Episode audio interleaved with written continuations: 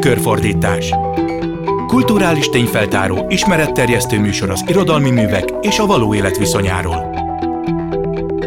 Tükörfordítás. Jó napot kívánok! A Klubrádió mikrofonjánál Pályi Márk köszönti Önöket. Ebben a műsorban a szövegek és a valóság összefüggéseit kutatjuk, és általában egy-egy olyan témával foglalkozunk, amelyről kevesebbet szoktunk beszélni. A mai műsorban azt vizsgáljuk, hogy a szülő, aki gondoskodik a gyerekéről és mintát jelent számára, olykor milyen bonyodalmakat is képes okozni, akár a gyerekek mentális állapotában is, különös tekintettel alkotó szülők rendhagyó család családjára, amellett, hogy ezek a gyerekek sokszor persze nagy tehetséget is örökölnek. Nagy alkotóknak inkább az eredményeiről szokás beszélni, és a családjukban is a jelentős szellemi örökséget szokás kiemelni. A mai adásban ennél egy picit összetettebben próbáljuk megnézni ezt a kérdést. Vendégem lesz Konrád Zsuzsi filmrendező, és hallani fogunk sok felolvasást, többek között Kemény Lilitől, Simon Bettinától és Závada Pétertől is. Most először hallgassák meg Szegő János beszélgetését Bíró Balog Tamás irodalomtörténésszel, aki mások mellett Kosztolányi Dezső fiának, Ádámnak az életét és életművét kutatta. A beszélgetésben majd becsatlakozik Mariella Lenyáni, azaz született Fiszterer Marion,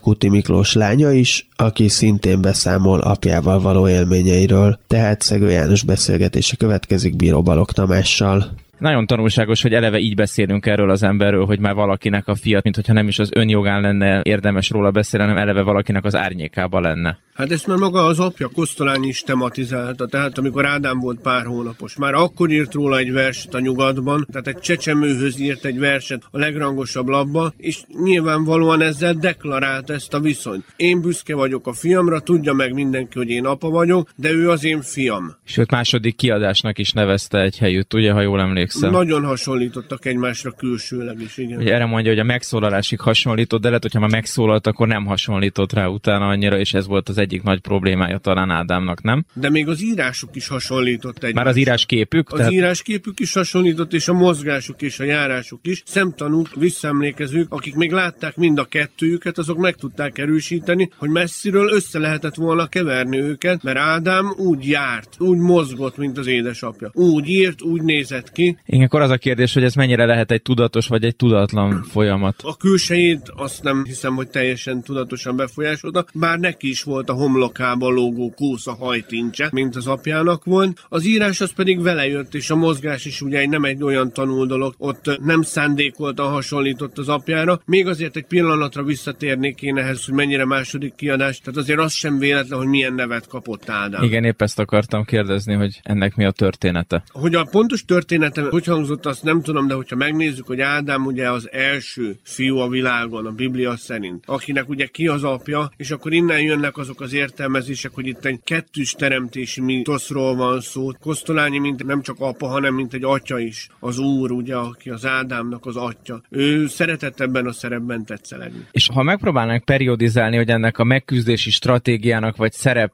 tudatnak milyen korszakai voltak, akkor mit mondhatunk, hogy az is nagyon fontos, hogy mikor hal meg egy apa egy fiú életébe. Itt viszonylag fiatal volt Kosztolányi Ádám, amikor elvesztette az édesapját, és utána még viszonylag sokáig élt, de mégis, mint hogyha mindig ez a gyermek státusz megmaradt volna. Az igazi gyermek státusz, tehát a felhőtlen gyermekkor a Kosztolányi Ádámnak visszemlékezések szerint például az édesanyjának a visszemlékezése szerint mindössze négy évig tartott. Akkor elkezdett kukorékolni, és kukorékolva beszélni. Tehát 1919-ben valami nagy törés volt Ádámmal, amit utána később végigvitt.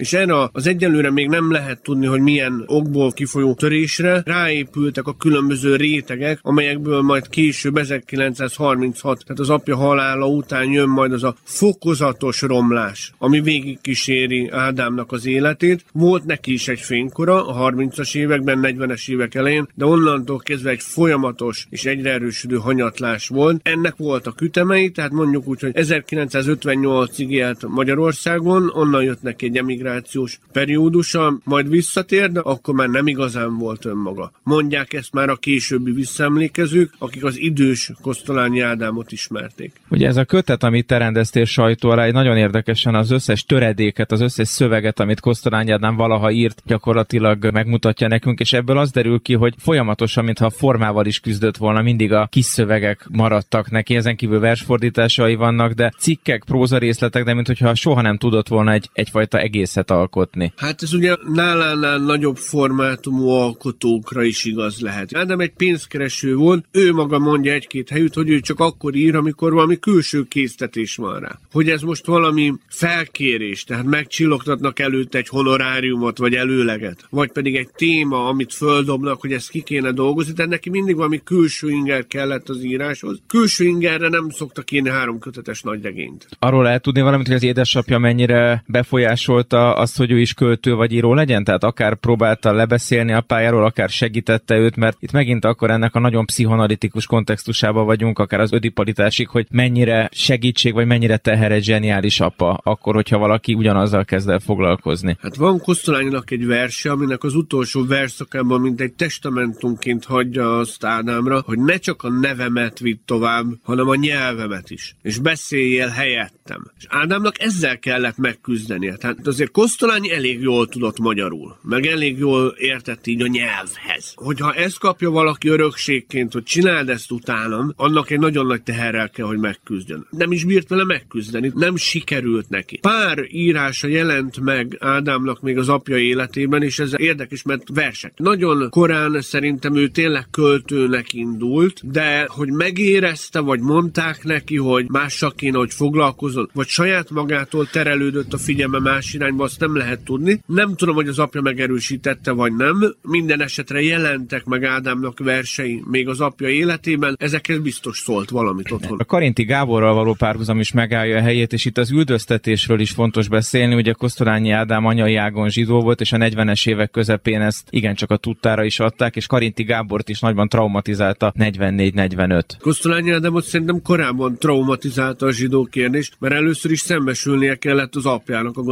gazemberségével. Hogy az apjának volt egy két éves politikai újságíró periódusa, ami bizony őket is érintette. Ezt nekik otthon valahogy meg kellett beszélni. Föl kellett dolgozniuk otthon, és nem tudom, hogy Ádám ebbe is sérült el, de tény, hogy felnőtt korában nagyon sokat foglalkozik a zsidó kérdéssel és az antiszemitizmussal. És tény, hogy 1944-45-ben szó szerint üldözték őket, megvannak azok a dokumentumok, hogy őket a nyilasok elvitték, fogva tartották, hogyan lehetett csak kiszabadulniuk, mit kellett, hogy ott hagyjanak, hogy rabolták ki őket, és hogyan sikerült végül elmenekülni onnan. Sőt, egy később halára ítélt nyilas perében még tanulnak is meghallgatták Kosztolányi Ádámot. Ugye mi összeköti Karinti Gábort, Kosztolányi Ádámot és Szentkuti Miklós lányát is az az, hogy egy nagy apa mekkora terhet tud jelenteni nem a nagy íróként, hanem privát emberként, aki bizony rányomja személyiségével a bélyegét a családtagjaira. Egészen különleges telefon beszélgetésünk lesz Szentkuti Miklós lányával, Mariella Lenyánival, aki 70 éve Olaszországban él, még kamaszkorában küldték ki oda a szülei. Varga Domokos György írta meg Fisterer Marion férjezet nevén Mariella Lenyáni történetét, hogy ennek a könyvnek a címe Előlép Fisterer Marion, egy nagyon különleges önéletrajzi életrajzi kötet, amiben tényleg több évtized távlatából idézi föl a lány édesapja, édesanyja alakját, és ebben a könyvben Szentkuti Miklós lánya arról számol be, hogy szülei kamaszkorában Olaszországba küldték, ebben azért, hogy megkíméljék őt a rákosista diktatúrától, de valójában tulajdonképpen amiatt, hogy ne zavarja a nagy írók köreit. Szentkutinak egyszerűen könnyebb volt, ha a gyereke nincs jelen, és a felesége is csak vele foglalkozik. Innentől a kapcsolatuk néhány gesztusra szorítkozott, és Fisterer Marion, immáron Marielle Lenyáni néven számtalan hányatatáson kellett, hogy keresztül menjen, miközben édesapját világszerte istenítették. Halló? Jó napot kívánok, Mariella Lenyáni vagyok. Kezi csokolom, Szegő János vagyok, nagyon szépen köszönjük, hogy rendelkezésünkre. Itt ülünk a Klubrádió stúdiójába. Ha jól tudom, és Pályi Márk barátom szerkesztő mondta, ő most egy nyilatkozatot fog nekünk beolvasni. Igen, pontosan. Kérem, tegye. Köszönöm szépen. Kérdéseket kaptam a szerkesztőtől, melyekre felelnem kellett volna. Megkaptam a kérdéseket, de újra átgondoltam a dolgot, és úgy döntöttem, hogy nem kívánok a kérdésekre feleletet adni. A kérdések alapján úgy látom, hogy a riport csak az édesapámmal való magánkapcsolatunk érdekli, és erről nem nem kívánok a rádió nyilvánossága előtt beszélni. Ez egyrészt nem tartozik arra a közönségre, amelynek feltehetően nem sok ismerete van Szentkuti Miklós életművéről, másrészt ez nekem sokkal nehezebb és fájdalmasabb emlék, sem, hogy egy rövid riportban érdemben beszélnék róla. Viszont szeretném, ha a rádió hallgatók tudnák egyrészt, hogy Szentkuti Miklósnak volt, illetve van egy lánya, aki még él, másrészt, aki tud még boldogan is visszanézni a gyerekkorára, azokra a rövid évekre, melyeket még a szüleivel Budapesten eltöltött. A könyvnek csak az volt a célja, hogy világos legyen, hogy mindenkinek megbocsájtottam, de szeretném, hogy ilyen fölösleges, mély fájdalmakat többé a földkerekségen senki se okozzon semmilyen embertársának. Köszönöm. Még azt szeretném hozzátenni, hogy szívesen, nagyon szívesen felveszem a kapcsolatot e-mailen olyan érdeklődőkkel, akik valami speciálisat szeretnének tudni a könyvemmel kapcsolatban. Még egyszer nagyon szépen köszönöm, mert Jellali Nyáni született Fisterer Marion Magdolna. Nagyon szépen köszönjük, hogy ezzel a nem válasz válaszsal járult hozzá a mai adásunkhoz. Nagyon szépen köszönöm, jó napot kívánok! Kezi csokolom. Valóban azt gondolom a hölgynek a válasza pont azt a területet meg is világította, hogy nagyon nehéz ezekről az ügyekről beszélni, mert éppen a magánszférának és a nyilvános portrénak a kettőségei kerülnek óhatatlanul előtérbe, pontosabban az ikonnak, a valóságos embernek, azok a ellentmondásai, a narcizmusnak, az exhibicionizmusnak, azok a vetületei, amiket az író nem feltétlenül akar bevilágítani, nem akarja feltétlenül megmutatni, és éppen emiatt tartom egy nagyon érdekes és radikális kötetnek egyébként Varga Domokos György szövegét, ami egy egészen érdekes perspektívából kérlelhetetlen és nagyon pontosan rögzít és ábrázol dolgokat, de térjünk is akkor ennek kapcsán vissza részben Kosztolányi Ádámhoz, részben pedig ehhez az egész problémához, ami nem egy embernek az életét keserítette meg. Ezek a személyiségek talán az is fontos lehet, akik ilyen apákká válnak, nem véletlen, hogy milyen társat, feleséget választanak maguknak, akik eleve alárendelődnek ehhez a szerephez, és akiknek a gyerekeik is ebbe tovább szenvednek, tovább veszik részt, és ez a dezorientáció több lépcsőben is alakult. Vannak vannak tényleg ilyen leterhelt, híres gyerekek a magyar irodalomban, vagy a művelődés történelemben Petőfi Zoltán szokták legelőször említeni, aki ráadásul még fiatalon is halt meg. Ki nem adatott meg még életútjában sem a kiteljesedés, nem hogy a pályáján. Karinti Gábor szokták említeni, Karinti Ferencet, aki más mértékben, de szintén ebbe a problémába esett. Karinti Gábor és a Kosztolányi Ádám tényleg egy nagy névvel kellett, hogy megküzdjön. Akit mindenki fölismer az utcán, és mindenki hall róla. És hogyha ő bemutatkozik valahol, akkor róla is, az ő nevéről is mindenkinek az apa jut az eszébe. És van még egy fontos fogalom, kifejezetten egy szabadelvű neveltetésben részesült Kosztorányi Ádám, és hogy a szabadság egy mennyire relatív fogalom tud lenni, ugyanis ezek a nagy alkotók nagyon sokszor különös viselkedésükben úgy viselkednek, hogy azt hiszik, hogy a szabadságot mutatják, de valójában túlságosan bevonják a gyerekeiket abba, amiket ők nem bírnak elviselni, és innentől is tudnak átörökíteni traumákat. Egy rövid példa, egy Hannah Arendt idézettel mondva, azt is mondhatnánk, hogy az alkotás valójában szabadság ellenes, hiszen elszigetelődés döntést állandó uralmi, önuralmi pozíciót igényel. Ha innen nézzük, nem meglep, hogy minél alkotói valakinek az önfelfogása, annál valódibb károkat tud tenni, és ellehetetleníteni gyermeke emberi életét. Mintha lenne egy ilyen összefüggés is valahogyan. Igen, Ádám esetében konkrétan az történt, hogy ő annak lett az áldozata, hogy az ap és az anya túl jól ismerte a freudista tanokat. Aminek meg lett a maga hátulütője, mert Kosztolányék azt találták ki, hogy ezeket elkezdik gyakorlatban alkalmazni. Tehát mondjuk a gyerekkori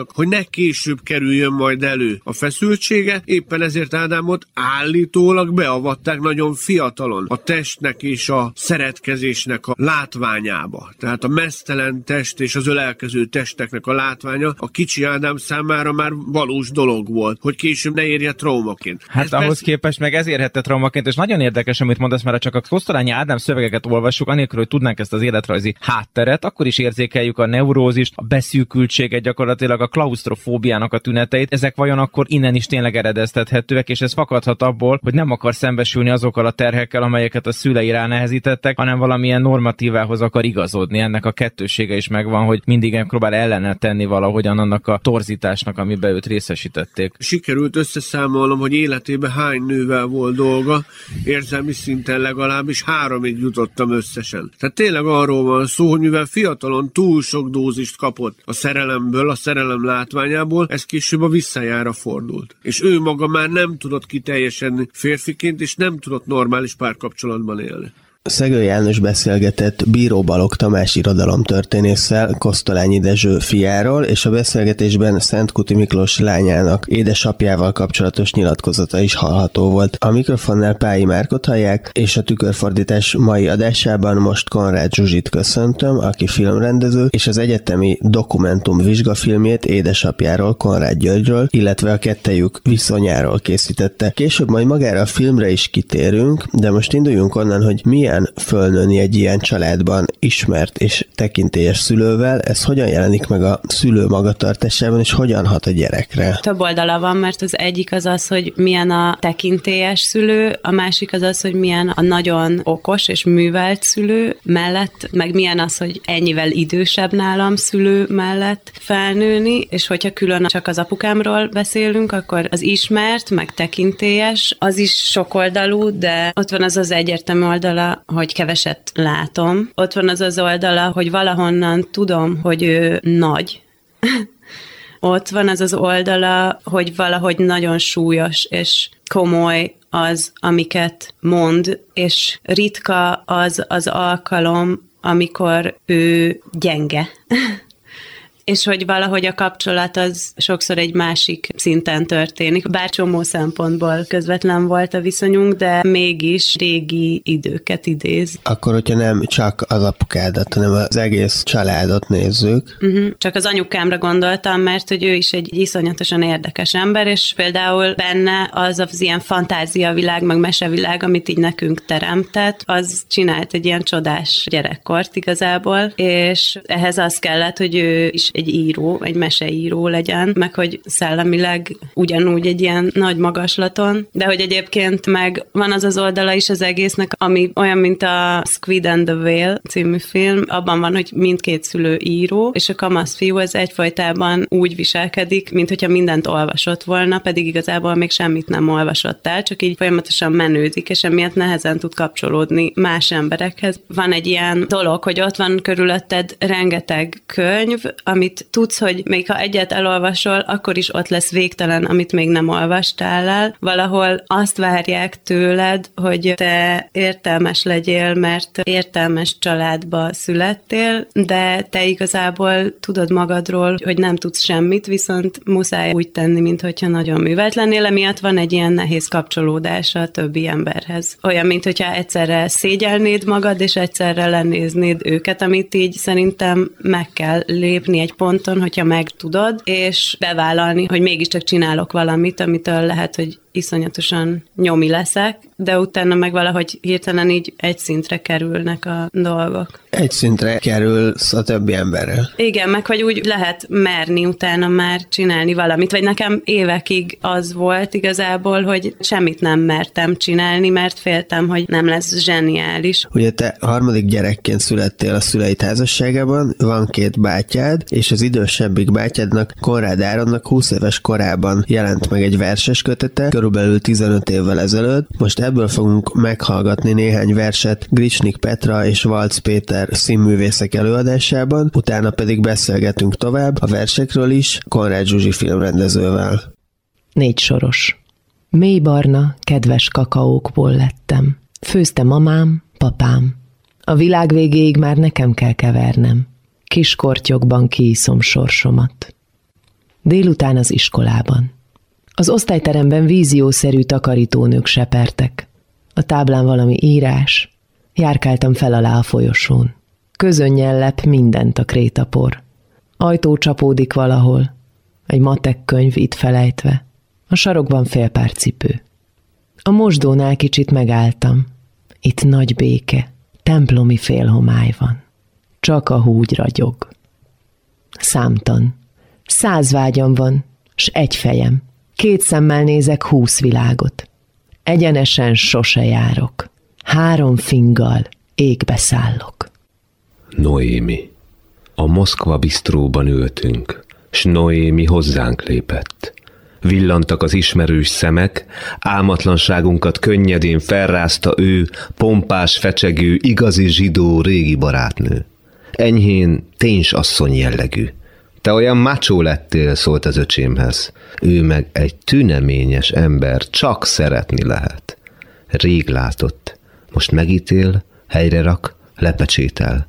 Egy kicsit kaján, fölöttünk áll valahogy. Táncol közöttünk. Áramlik a teste. Ámulva nézzük, mi nem vagyunk nagy táncosok, de ő miatta bármit. Elégedetten szól. Most két korráddal táncolok. Jó kedvem volt, még ittam egy tekilát is. Hájok. Szemünk előtt furcsa hájok. Azon látod a világot. Ez van csak, és nincs valóság.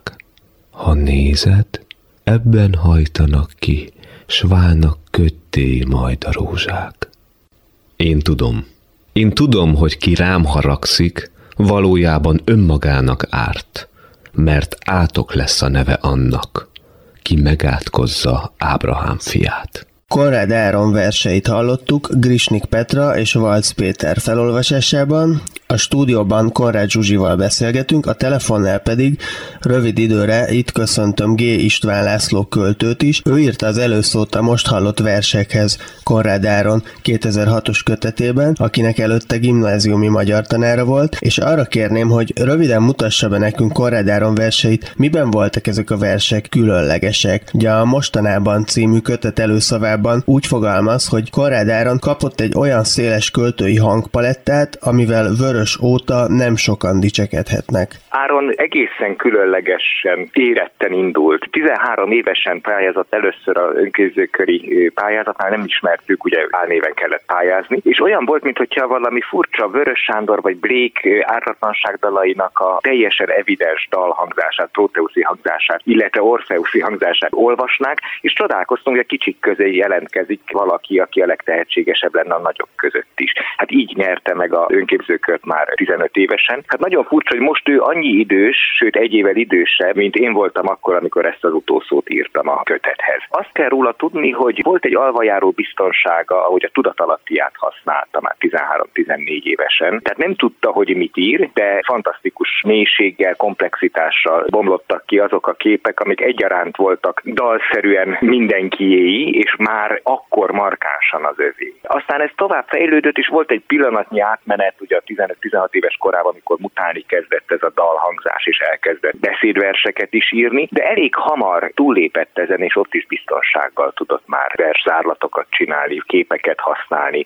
Szürrealizmus is jellemezte, de az arányérzékkel használta ezeket az államszerű képeket. Nagyon erős korrajz, szatírikus vénája is volt, Petri utódja. Voltak ilyen álomszerű, furcsa versek, amik meg mintha Mándi kísértett világából bújtak volna elő. És aztán emlékszem két soros epigrammákra, amik meg a Vörös Marti tisztaságával fogalmaztak meg olyan dolgokat, amelyek örök evidenciák. Ezeket 17-18 vagy 20 éves, hát ugye 20 éves volt, mikor ez a kötete a mostanában megjelent. Az is érdekes, hogy a mostanában ugye eléggé izgalmas cím, mert a jelent teszi örök idejűvé, és ugyanakkor beszédtónusban szól az örök időről. Ebben azt is mutatja, hogy azért nem csak a pátosz volt az övé, ami már ugye egész kiskorában a dalversektől kezdődően egy furcsa, groteszk pátosz abszolút jellemezte, hanem volt valami furcsa alázatosság vagy ironikus önlefokozás is a, a későbbi verseiben, ami szintén jót tett neki, mert szélesítette azt a palettát, amit tudott használni. G. István László költőnek, műfordítónak, eszeistának nagyon szépen köszönöm, hogy röviden a vendégünk volt, és beszélhettünk vele Korrád Áron verseiről. A stúdióban Korrád Zsuzsival beszélgetünk, aki nemrég végezte el a filmrendező szakot Enyedi Ildikó osztályában, mint már ígértem, majd beszélünk erről is, illetve az édesapjáról készített portréfilmjéről, de most előbb arról szeretnélek kérdezni, hogy ugye megjelent 2006-ban ez a verses kötet, és hogyan folytatódott utána a testvéred Áron élete? Neki van egy mentális betegsége, hogy így mondjuk, az, hogy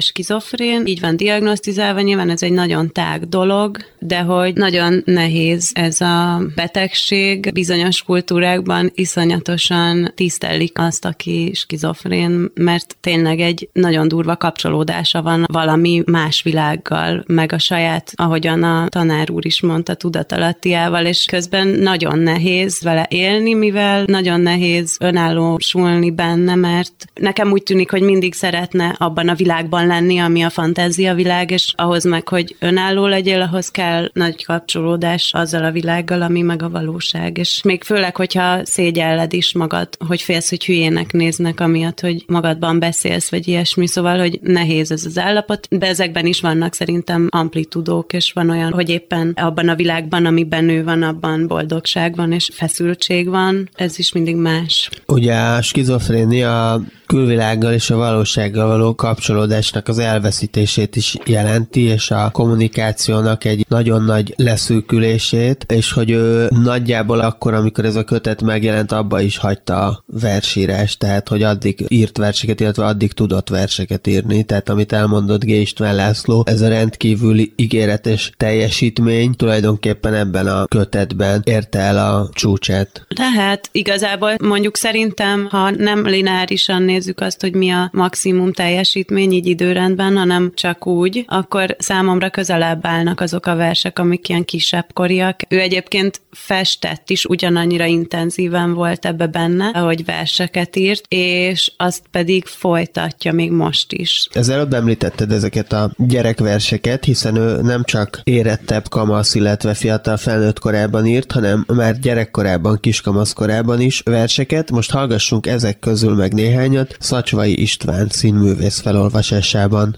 Az elátkozott fenék. Előre néz a szeme. Látja, hova kéne mennie, de nem akar oda menni a feneke. Lába előre, feneke hátra. Az lesz belőle, hogy lent hever a föld porába.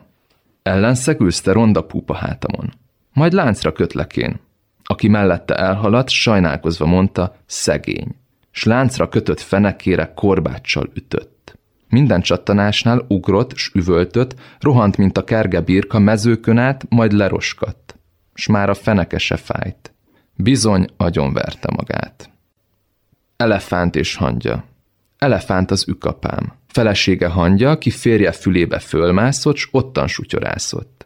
Egyszer bebújt a hasába, s beleiben kóborolt. Elpihent egy húscafaton, s limonádét kortyolt. Unta már az elefánt, hogy nem látja kedvesét, mert mindig belül tartózkodik. Ezért van, hogy nem jó, ha elefánt és hangya összeházasodik. A gondolatolvasógép. Ez az egyetlen gép mi tetszik nekem. De csak is a mamának, s a papának legyen. Az orcsont fölött, a szem mögött van beépítve tán, egész nap azt szimatolja, hogy bús vagyok-e vagy vidám. Este kiossonnak, s leolvassák a gépet. Látják a sok borzalmas képet, de van, aminek örülnek mind a ketten.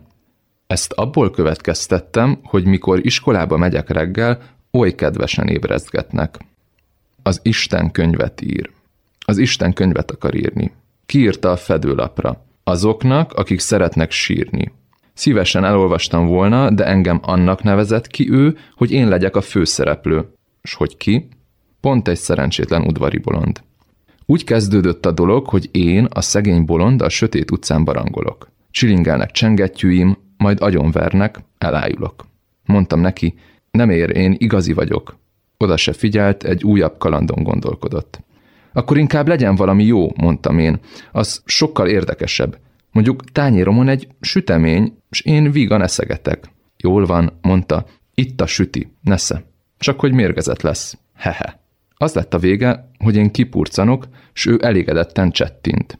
Hogy én milyen ügyes vagyok, Szacsvai István mondta el Konrád Áron néhány gyerekkori versét. A stúdióban Konrád Zsuzsival beszélgetünk, aki filmrendező, és a testvére Konrád Áron, az édesapja pedig Konrád György volt, aki nem csak íróként, hanem egyfajta békeaktivistaként tulajdonképpen általános szellemi tekintélyként is vált rendkívül ismerté. Ugyanakkor azokban a versekben, amelyeket meghallgattunk Konrád Árontól, mind a kamaszkora előtt, mind a kamaszkora után írottakban, nagyon sok olyan elem szerepel, ami valamilyen kényelmetlenséget tükröz az ő közérzetében. Hallottunk egy olyan házaspárról, amelyiknek az egyik tagja a másik belsejében tartózkodik, egy olyan testről, aminek az egyik része másfelé akar menni, mint a másik, és ezért aztán az illető végül szétveri magát. Egy olyan gépről, amelyen keresztül a szülei belelátnak az ő fejében lévő úgymond borzalmas képekbe, vagy az Isten, aki egy író, egy olyan könyvbe írja őt bele, amiben ő mindig meghal, hiába könyörök, hogy vegye észre, hogy ő egy igazi ember, illetve a felnőttebb verseiben már reflektáltabban jelenik meg ez, hogy száz vágyam van, és egy fejem, két szemmel nézek. Húsz világot, vagy szemünk előtt furcsa hájog, ez van csak és nincs valóság, vagy van az a verse, amelyben Ábrahám fiának nevezi magát, ami felületesen a zsidó kötődésre is utalhat, de ha belegondolunk, akkor azt látjuk, hogy a bibliai ősapának, Ábrahámnak a fia Izsák volt, akit ugye egész életében meghatározott valamilyen félelem annak nyomán, hogy volt egy pillanat az életében, amikor azt hihette, hogy az édesapja el fogja venni az ő életét, hogy őt föl fogja áldozni. Mondjuk azt, hogy az Istennel való viszonyáért. És idehoznék még egy idézetet édesanyátok Lakner Judit egyik mesekönyvéből is, amelyben a mesék szereplői sokszor ti, az ő gyerekei vagytok. Az Áron meséje című mese úgy kezdődik, hogy volt egyszer egy kisfiú, nem akarta mamájával a kisparkba menni, mert inkább a papájával akart menni a közértbe. El is indultak, az utcán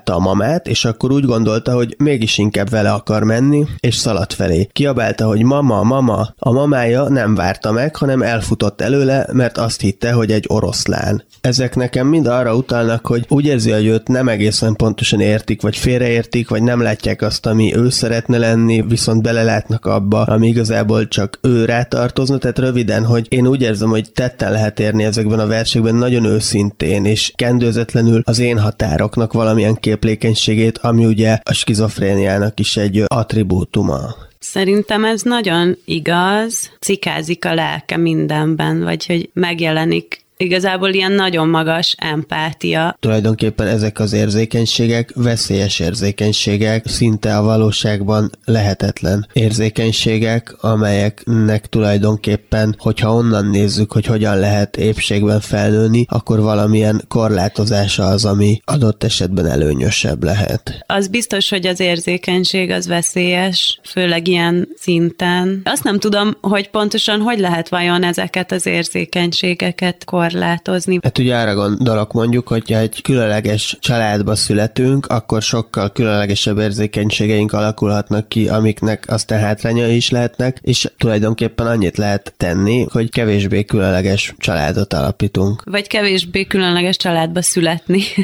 hát igen, azt nem tudjuk megválaszolni, hogy hova születünk, csak azt, hogy amikor berendezzük a családunkat, akkor mennyire figyelünk oda, hogy hasonlítson arra a normára, ami uralkodó, ami egyrészt unalmas, meg meg a norma követők okozzák mondjuk a hátrányt a normát nem követőknek, de a rövidebbet mégis a normát nem követők húzzák, és akkor ha ahhoz mondjuk jobban igazodunk. Igen, de nem biztos, hogy a normát nem követők húzzák a rövidebbet, mert nem biztos, hogy az a rövidebb, hogyha más életet élsz. Biztos, hogy az, hogyha így különleges családba születsz, akkor örülnek a különlegességeidnek, meg az így táplálva van. De talán az a legnehezebb, hogyha még nagyon különleges is lettél, akkor így így bele lehet csúszni ebbe az ilyen zseni dologba, hogy zseni gyerek, és akkor tényleg ott lehet valami furcsaság, hogy nagyon hamar azt érzed, hogy ugyanúgy mondjuk, ahogy az apukád nagyon nagy ember vagy, úgyhogy ilyen elég kettős, de például lehet, hogy jól is tud járni az ember azzal, hogy különleges dolgokat érezhet, mert azért az egy nagyon jó érzés sokszor, és sokszor meg rossz, de hogy eléggé színes. Hát tulajdonképpen akkor tud többletté válni, hogyha sikerül megőrizni valamilyen szinten a hétköznapi életvitelt, és hogyha meg a másik oldalra billen, akkor válik hátrány igényel. Igen, hogyha nem tudsz önálló lenni. Tulajdonképpen arról beszéltél, hogy milyen értékei vannak egy másféle mentális állapotnak, akár még akkor is, hogyha nem tud valaki egy felnőtt önállóságban élni. Nekem amennyi személyes tapasztalatom ezzel volt, mert én is egy olyan családba születtem, amiben a szellemi tekintélyek nyomása alatt nekem sokkal nagyobb esélyem volt tulajdonképpen mentális zavarokat kifejleszteni magamban, és nem egy felnőtt élet felé indulni el, el, és ezekből az élményeimből én azt szűröm le, hogy azok a másféle állapotok, amikor már a termékenységet is csak nagyon kis fokon lehet fenntartani, és tulajdonképpen a legtöbb módon, akár fizikailag, akár érzelmileg már nem lehet kapcsolódni az emberekhez, az nagyon kellemetlen, és szinte maga a boldogtalanság. Ez lehet, hogy így van, és igazából én annyira külső szemlélő vagyok ebben, és lehet, hogy így valahol nagyon romantikusan fogom fel ezt a dolgot, ahhoz képest, amilyen nehézségeket ez okoz, de az biztos, hogy az unalom is iszonyatosan rossz. Mármint ezt úgy értem, hogyha szembeállítjuk a különleges és nagyon nehéz, mert nem tudsz kapcsolódni a valósággal, mint az, aki meg így biztos benne, hogy ő tud kapcsolódni a valósággal, és közben meg az unalom árad belőle, az is számomra egy visszataszító állapot, úgyhogy valahol biztos, hogy egy a jó arány lehet a kellemesebb. Lehet, hogy külsőre unalmas mondjuk egy olyan ember, de belülről tulajdonképpen egy ilyen nagyon rossz mentális állapotban is ott az unalom, ahogy a Kertész Imre mondja, hogy még Auschwitzban is lehetett unatkozni. Ez kicsit hasonlóan még egy ilyen rendkívüli mentális állapotban is jelen van az unalom is. Nagyon, főleg, hogyha bele vagy ragadva. Igazából a beleragadás az az, ami unalmat szül. És belülről is látszódhat szerintem izgalmasnak és kalandosnak odáig, amíg mondjuk, hogy van valamennyi kapcsolódás a valósághoz, és pont azért adódik elő néha esélye ennek a kapcsolódás elvesztésének, mert ebben a fura állapotban egy ideig van valami izgalmas nekem van valamilyen vonzalmam ehhez az állapothoz, meg azokhoz az emberekhez is, akik akár peremén, de vannak hasonló ilyen pszichotikus állapotoknak, vagy nem tudom, engem így érdekel nagyon. Sokszor jobban érzem magamat, mert felszabadító, de ez egy tök személyes érzés, és ez teljesen más is, mint az, hogy milyen benne lenni. Úgy gondolom, hogy belülről kicsit olyan, mint amikor az Isten a Bibliában azt mondja, hogy ha jól csinálod a dolgokat, akkor ezer generáción keresztül meg lesznek jutalmazva az utódaid. Ha rosszul csinálod, akkor hét generáción keresztül hátrányban lesznek az utódaid, és ez meg kicsit olyan, ez a belső érzés, mint hogyha ezer generáción keresztül meg lennél büntetve. Miért? Vagy hogy az idő kitágul tőle? Ennyire lehetetlen érzés, egy olyan eternális Aha. büntetés tulajdonképpen, hogyha élsz, és a tudatoddal nem tudsz már igazából kapcsolódni a külvilág legeslegnagyobb részéhez. Uh-huh, értem. Ez nagyon durva, amúgy. Folytatjuk még a beszélgetést Konrád Zsuzsival, de most tekintsünk ki egy kicsit tágabban is erre a kérdésre, tulajdonképpen arra, hogy milyen is családban felnőni. Kemény Lili fogja most felolvasni Bűnbeesés című versét, aki ebben a versében a családi traumák öröklődéséről, felhalmozódásáról ír. Bűnbeesés. A családomban senki nem tehet semmiről. Mindenki Isten vezérelte báb. A felelősség fölhalmozódik, rejtőzködve öröklődik, lappang a nemzedékek között. Hat nemzedék óta bennem jött ki először. Az én bűnöm, hogy a nagyapám fölrobbantott egy orosz tankot, hogy abban a tankban akkor két orosz ült. Nem orosz mércével, de részegek voltak, és régóta apám születését várták. Az én bűnöm, hogy apám megváltotta a világot, de senki nem vette észre, csak egy egyetemi tanszék, ahol a poros szakállú, nagy tudású férfiakat és a 40. évük előtt meghaló bolond lányokat képzik. Az én bűnöm, hogy anyám ilyen lány volt, és mégis elmúlt negyven, erre nem készítették föl. Az én bűnöm az is, hogy a dédanyámnak hetekig kell erőltetetten zokognia, hogy valaki végre megkérdezze, mi baja. Az én bűnöm, hogy a Dob utcai ágon a gazdagok járnak vacsorázni a szegényekhez, és mindenki pokollá teszi a vele élők életét, hogy bosszút álljon a saját elrontott életéért. Közben a tabáni ágon mindenki önmagát bünteti. Az én bűnöm, hogy az anyám és a húgom a lakás két végében kuporogva gyűlöli egymást, és a kutya oda-vissza rohangál kettejük közt, hogy béküljenek ki végre, de mindketten makacsul félreértik a kutyát. Az én bűnöm, hogy a felmenői mindig az aktuális előtti rendszer hívei voltak. Az én bűnöm, hogy sosem cselekedtek. Az én bűnöm, hogy ha mégis, akkor az egészet eltitkolták, aztán nem lettek se hatalmasok, se hősök és hogy sosem szüntek meg szeretni egymást, pedig már mindenkinek az lett volna jobb.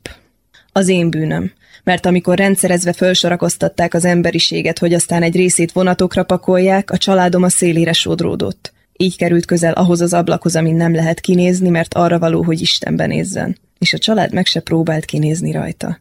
Én estem bűnbe egyedül. Kemény Lili mondta el Bűnbeesés című versét, a tükörfordítás mai adásában továbbra is Pályi Márkot hallják, a stúdióban Konrád Zsuzsival beszélgetünk.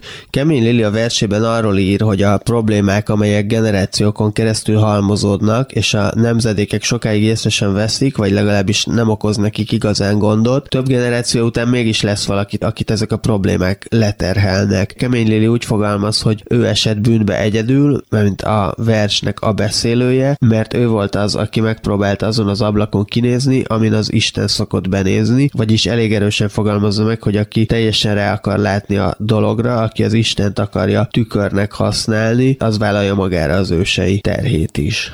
Beszéljünk kicsit arról is, hogy a másik testvéret, Konrád József, viszont végül íróvá vált. Tavaly jelent meg a Behajtó című regénye, ő a belső közlés vendége is volt, ezt a beszélgetést a rádió archívumában megtalálják. Valamennyire nála is megjelenik egy érdekes elem, a családdal kapcsolatban mondjuk, a regényben ugyanis majdnem valós nevek szerepelnek, de összecserélve. A híres írót Konrád Áronnak hívják, a feleségét Lakner Zsuzsinak, a lányukat pedig Juditnak. Konrád József kamaszkorában, meg korábban nem írt, mert az ő bátyja volt az, aki írt, és tulajdonképpen valamennyire ő teljesítette be akkor a testvérének a későbbi pályáját. Szerintem nem, mert igazából tényleg én úgy érzem, hogy az Áron beteljesítette azt, amit beteljesített, és hát a Józsinak lehet, hogy ő jól járt azzal valahol, hogy ő ezt így felnőtt korában kezdte el. Nagyon nehéz valamit úgy csinálni, hogy rögtön azt várod, hogy biztos, hogy zseniális legyen az, amit csinálsz, és elkezdeni valamit, de neki ütközni egy kétájnak, vagy egy rivalizálásnak, vagy egy valaminek, ami igazából sosem a dologról szól, hanem csak arról, hogy most iszonyatosan idegesítő, amit írok, most maníros, amit írok, most utánozok valakit, most utánozom az apukámat, a bátyámat, az anyukámat, a nem tudom kit. Most nézzük meg még egy újabb vetületét a kérdésnek, hallgassuk meg Simon Bettina látogatás az otthonban című versét.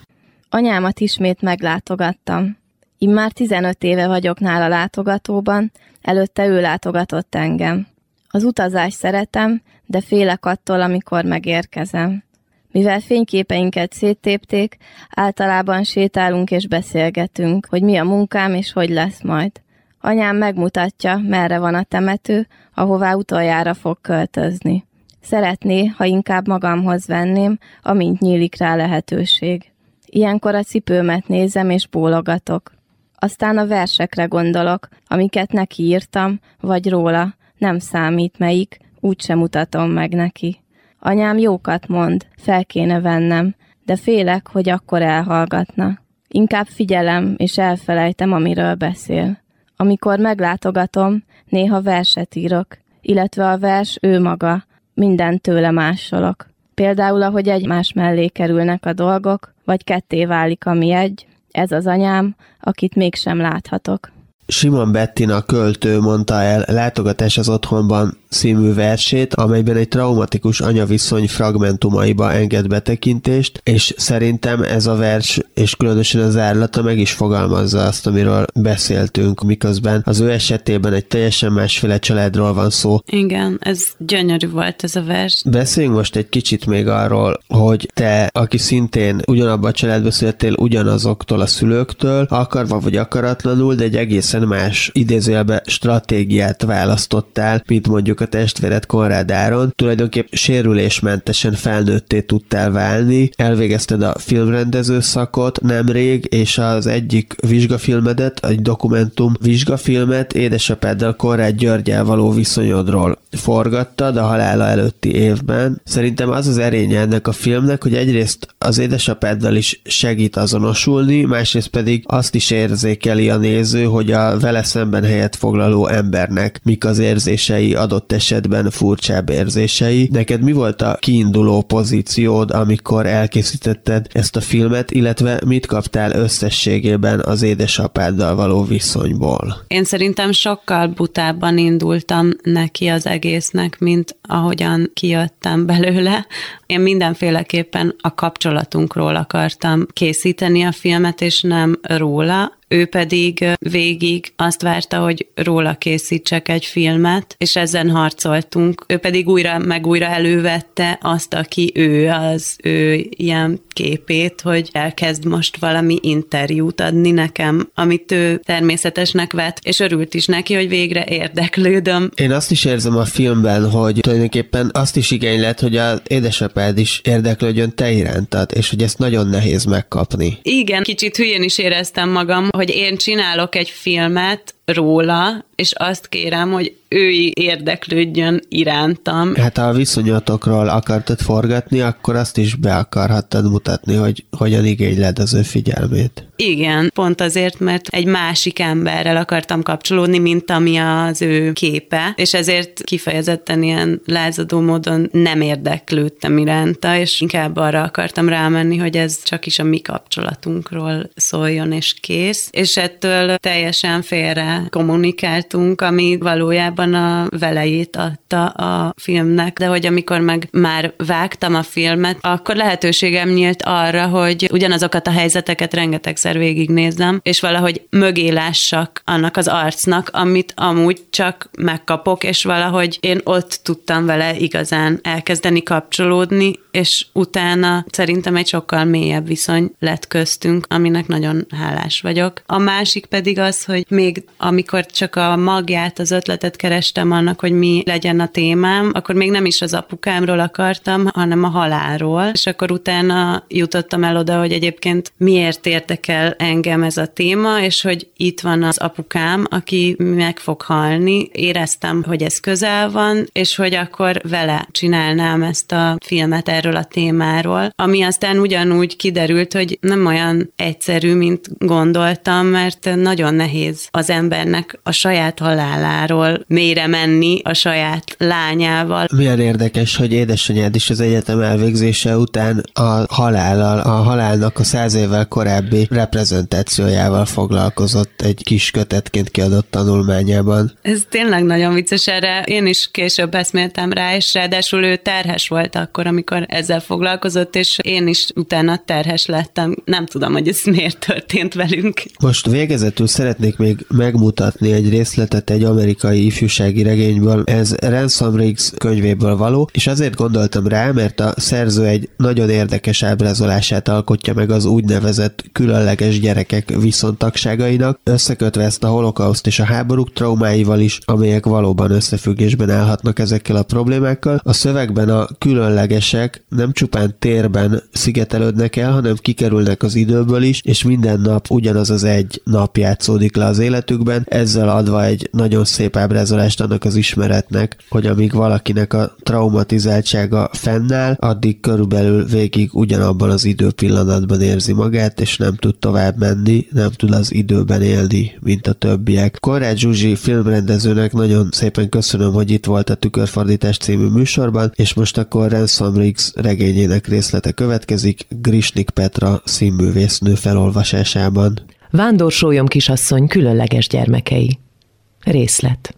Az emberi faj összetétele végeláthatatlanul változatosabb, mint ahogy a legtöbb emberi lény hiszi. Kezdte magyarázni vándorsolyom kisasszony. A homo sapiens valódi rendszertanának titkait csak kevesen ismerik. Alapjában véve egyszerű kétosztatúságról van szó. Van a közönséges emberek tömege, akik az emberiség zömét teszik ki, és van egy titkos másik ág. Ha úgy tetszik, a titkos sapiensek. Különlegesek akadnak szerte a világon, bár a számuk jócskán megfogyatkozott a hajdanihoz képest. A megmaradtak rejtőzködő életet élnek, akár csak mi. A hangja halk és bánatos lett. Voltak idők, amikor nyíltan érintkezhettünk a közönségesekkel. A világ egyes pontjain sámánoknak vagy mágusoknak tartottak bennünket, akikhez akkor fordulhattak, ha baj van. Egy-két kultúra megőrizte ezt a harmonikus együttélést a fajtánkkal, de csupán olyan helyeken, ahol sem a modernitás, sem a nagy világvallások nem tudták megvetni a lábukat. Ám a világ nagyobb része már régen ellenünk fordult. A muszlimok kiűztek minket, a keresztények boszorkányként megégettek, még Velsz és Írország pogányai is úgy vélekedtek rólunk egy idő után, hogy rosszindulatú tündérek és alakváltó szellemek vagyunk. A különleges vonások néha egy vagy akár tíz nemzedék erejéig nem jelentkeznek senkinél. Különleges gyermekek nem mindig, vagyis általában nem különleges szülőktől születnek, és különleges szülőknek nem mindig, vagy általában nem születik különleges gyermekük. A közönséges szülők különleges ivadékát gyakran rettenetesen bántalmazzák, vagy elhanyagolják. Nem is olyan sok évszázaddal ezelőtt még a különleges gyermekek szülei azt hitték, hogy a valódi fiúkat vagy lányukat elcserélték, és cseregyereket tettek a helyére. Egy elvarázsolt és rossz indulatú, sőt, teljes egészében kitalált hasonmást, ami sötétebb korokban felhatalmazást adott a szülőknek arra, hogy szegény gyermeket magára hagyják, ha meg nem ölték nyomban. Tenni kellett valamit, ezért a hozzám hasonlókkal olyan helyeket hoztunk létre, ahol az ifjú különlegesek a közönségesektől elkülönülve élhetnek, térben és időben elszigetelt enklávékban. Mi, különlegesek, sokfajta képességgel vagyunk megáldva, amik a közönséges emberekből hiányoznak. Bizonyos képességek gyakoriak, mint például a gondolatolvasás, míg mások ritkák, például az, ha el tudom téríteni az időt. Minket, akik tudatosan vagyunk képesek eltéríteni az idősíkokat, nem csak önmagunk, hanem mások számára is, Ümbrünne néven ismernek. Időhurkokat hozunk létre, amelyekben a különlegesek meghatározatlan ideig élhetnek. Hurkokat, mondtam utána. Ez a hely lehet az? Igen, talán jobban ismeri 1940. szeptember harmadikaként. Felé hajoltam a szűk padon. Hogy tetszik érteni? Ez egyetlen nap, és ismétlődik. Újra meg újra, ha bármi folyamatosnak érzékeljük. Természetesen itt voltunk Kernholmon már egy vagy több évtizeddel 1940. szeptember 3-a előtt is, fizikailag elszigetelve, de azon a napon kénytelenek voltunk az időben is elszigetelődni, mert másként valamennyien meghaltunk volna. A bombától. Pontosan. Csak hogy jól értem-e? mondtam. Ha ma 1940. szeptember 3-a van, akkor holnap szintén szeptember 3-a lesz. Nos, a hurok 24 órájából néhányban szeptember másodika, de amúgy harmadika, igen. Tehát a holnap sohasem jön el. Bizonyos értelemben. Nagyapa tényleg a nácik elől menekült, amikor idejött? Tényleg, felelte. Számos gyermek érkezett hozzánk azokban a háborúba torkolló szörnyű években. Ábrahámra egy menekült táborban bukkantam rá. Szegény, meggyötört kölyök volt, de nagyon erős. Nyomban tudtam, hogy hozzánk tartozik. Megkönnyebbültem. Nagyapa életének legalább az a része tényleg úgy zajlott le, ahogy én is hallottam róla.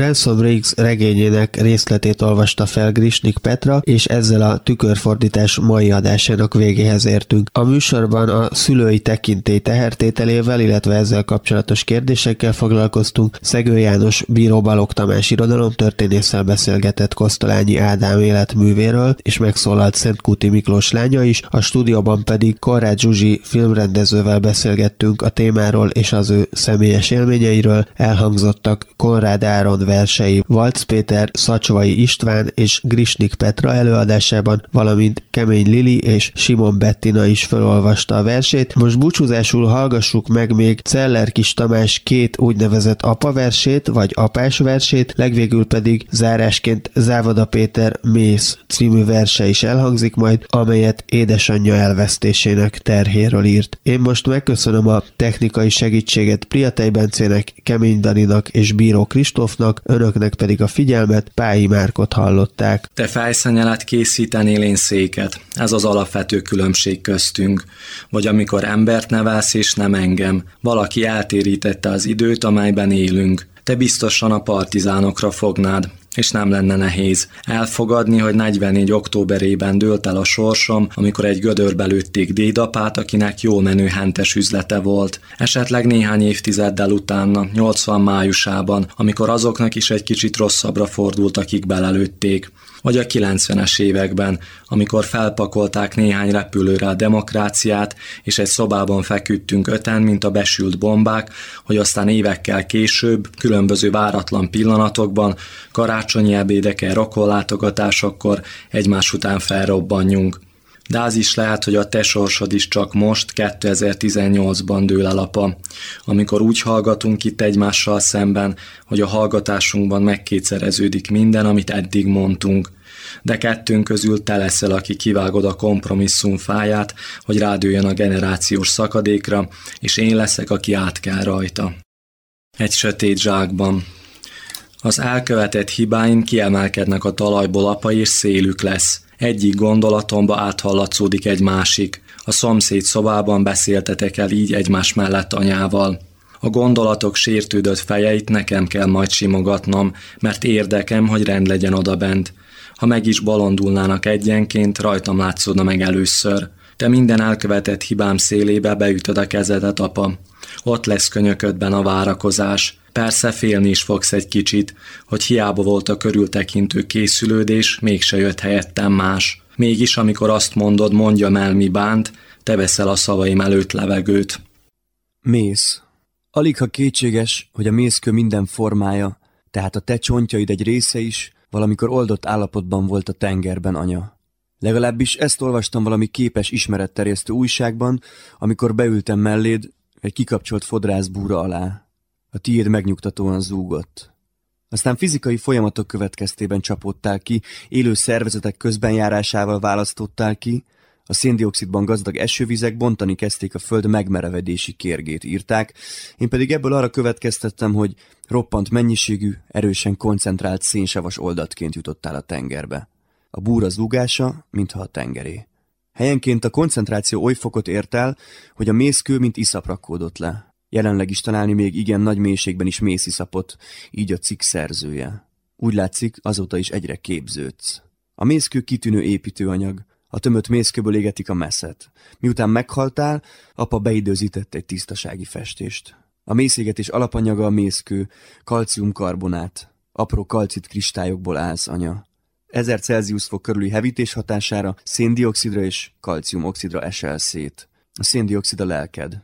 A széndiokszid légnemű távozik, és visszamarad a szilárd halmazállapotú kalciumoxid az égetett mész. Az égetés során 1 kg kőből körülbelül 0,5 kg mész lesz. Az égetett mész víz hozzáadásakor oltott mészé alakul. Az így keletkező méztejet használják a malter készítéséhez, illetve környezetbarát messzeléshez is. Apával úgy döntöttünk, hogy szép gyöngén, megfogjuk az elégett csontjaidat, az elégett véredet és a mély szabarcs közé keverünk, noha már abban is te voltál. Aztán, amit estig raktunk, leomlott reggelre. Tükörfordítás